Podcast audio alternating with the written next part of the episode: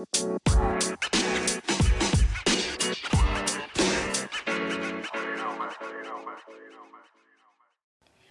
to Manipulasi Gengsi. So, karena ini episode pertama, dan kita kayaknya perlu kenalan deh. Ada pepatah, tak kenal maka tak sayang. Gimana mau sayang kalau kenal aja belum? My name is Genoveva Floreza Panggiring Paripih. You can call me Floreza. Kalau kalian bingung kenapa namanya Floreja, karena itu plesetan dari Floreza. Sekarang uh, aku bakal ngebahas arti dari nama podcast ini. Manipulasi gengsi. Dua kata yang menurutku emang bener-bener itu kata yang aku mau. Jujur waktu aku cari nama podcast itu aku bener-bener pengen banget nama yang emang punya arti dan itu tuh ngebahas keseluruhan podcast aku. Mungkin banyak dari kalian yang nggak tahu arti manipulasi secara benar ya. Jadi aku cari dari KBBI biar lebih pasti. Dan aku baca salah satu arti yang menurutku it, waktu itu bikin aku yakin pakai kata manipulasi. Kata manipulasi adalah upaya kelompok atau perseorangan untuk mempengaruhi perilaku, sikap, dan pendapat orang lain tanpa orang itu menyadarinya. Di sini aku nggak nggak bermaksud buat mempengaruhi kalian biar kalian ngelakuin apa yang aku omong atau kalian ngelakuin apa yang aku mau. No, tapi tujuan utama dari pembuatan podcast ini itu karena emang aku mau sendiri dan aku ngerasa ini bisa jadi kesempatanku buat self healing, buat penyembuhan diri. Kenapa? Karena emang aku ngerasa kalau aku pun masih ngerasa gengsi. Manusia tuh pasti punya rasa gengsi. Itu adalah sifat yang alamiah menurutku ya mungkin kita nggak pernah gengsi. Dan gengsi itu adalah satu kata yang bisa mencangkup banyak hal. Dari kata sombong, gengsi pasti karena sombong. Atau insecure, atau mungkin kita lupa bersyukur. Dan aku ngerasa, aku ngerasain sendiri kalau gengsi itu kadang bisa merusak diri kita sendiri. Kadang kita memiliki target, kita harus kayak itu, kita harus bisa seperti itu. Tapi kita nggak sadar kalau sebenarnya itu di luar batas kemampuan kita. Salah satu hal yang membuat kita punya rasa gengsi itu adalah perspektif diri kita sendiri sebenarnya.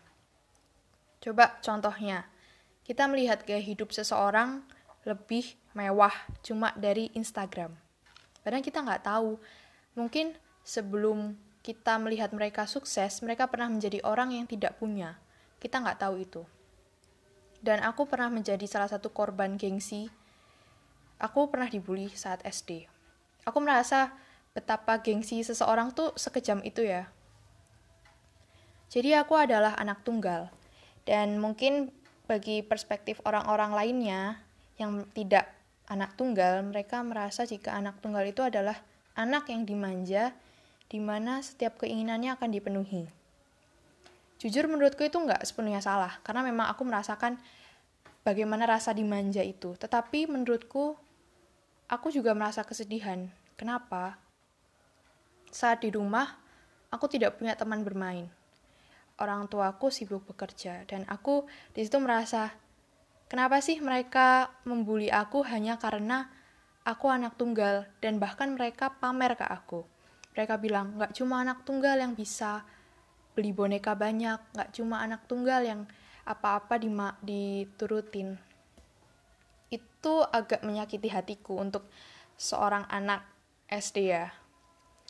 Waktu itu aku masih kecil dan dari kata-kata mereka itu agak menyakitkan. Namun pada saat itu aku tidak menyadari bahwa itu adalah pembulian. Aku hanya merasa, oh teman-temanku iri sama aku. Dan jujur aku sangat-sangat merasa sempat tidak bersyukur. Aku merasa, kenapa sih aku harus menjadi anak tunggal? Kenapa sih orang tua aku terlalu sibuk untuk menemaniku bermain? Mungkin pemikiran anak kecil yang memang sempit ya pada saat itu. Aku sempat nggak bersyukur dengan keluargaku. Bahkan hingga aku SMP, aku menjadi anak yang memang tidak betah di rumah. Aku sering kali main keluar. Kenapa? Karena di rumah juga nggak ngapa-ngapain. Aku dulu berpikir seperti itu. Hingga akhirnya aku mulai besar, aku mulai SMA, aku mulai menyadari bahwa wah ternyata bersyukur ya punya keluarga seperti ini. Nggak semua keluarga itu bisa memenuhi kebutuhan anaknya. Aku merasa agak merasa emosi dan menyesal. Kenapa aku berpikir jika hidupku itu tidak tidak penting dan aku agak membuang-buang waktu masa kecilku dengan membenci kehidupanku dan aku lebih menghabiskan banyak waktu di luar rumah bersama teman-teman dan orang lain daripada keluargaku sendiri. Aku merasa wah gengsi orang lain itu menghancurkan hidupku ya cuma karena kata-kata teman-temanku. Waktu itu aku menjadi anak yang tidak bahagia semasa kecilnya. Padahal sebenarnya aku bisa menghabiskan waktu bersama keluargaku lebih dari apa yang aku tahu. Dan mungkin kenangan masa lalu tadi itu yang membuatku di umur yang belum muda ini menyadari bahwa gengsi itu memang berbahaya, merugikan diri kita sendiri dan orang lain tentunya. Ya gengsi juga didasari oleh beberapa hal tadi, sombong, iri hati, pamer, kurang percaya diri, dan insecure. Untuk topik insecure itu akan dibahas di next episode. Ini agak spoiler, tapi gak apa-apa sama orang yang emang bener-bener seru.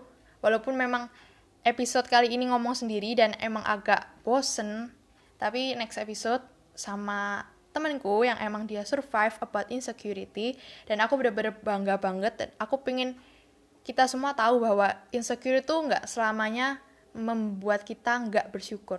Tetapi insecure itu bisa membuat kita paham akan hal baru bahwa kita harus bisa mencintai diri kita sendiri bukan melulu tentang omongan orang lain dan bukan melulu tentang gengsi.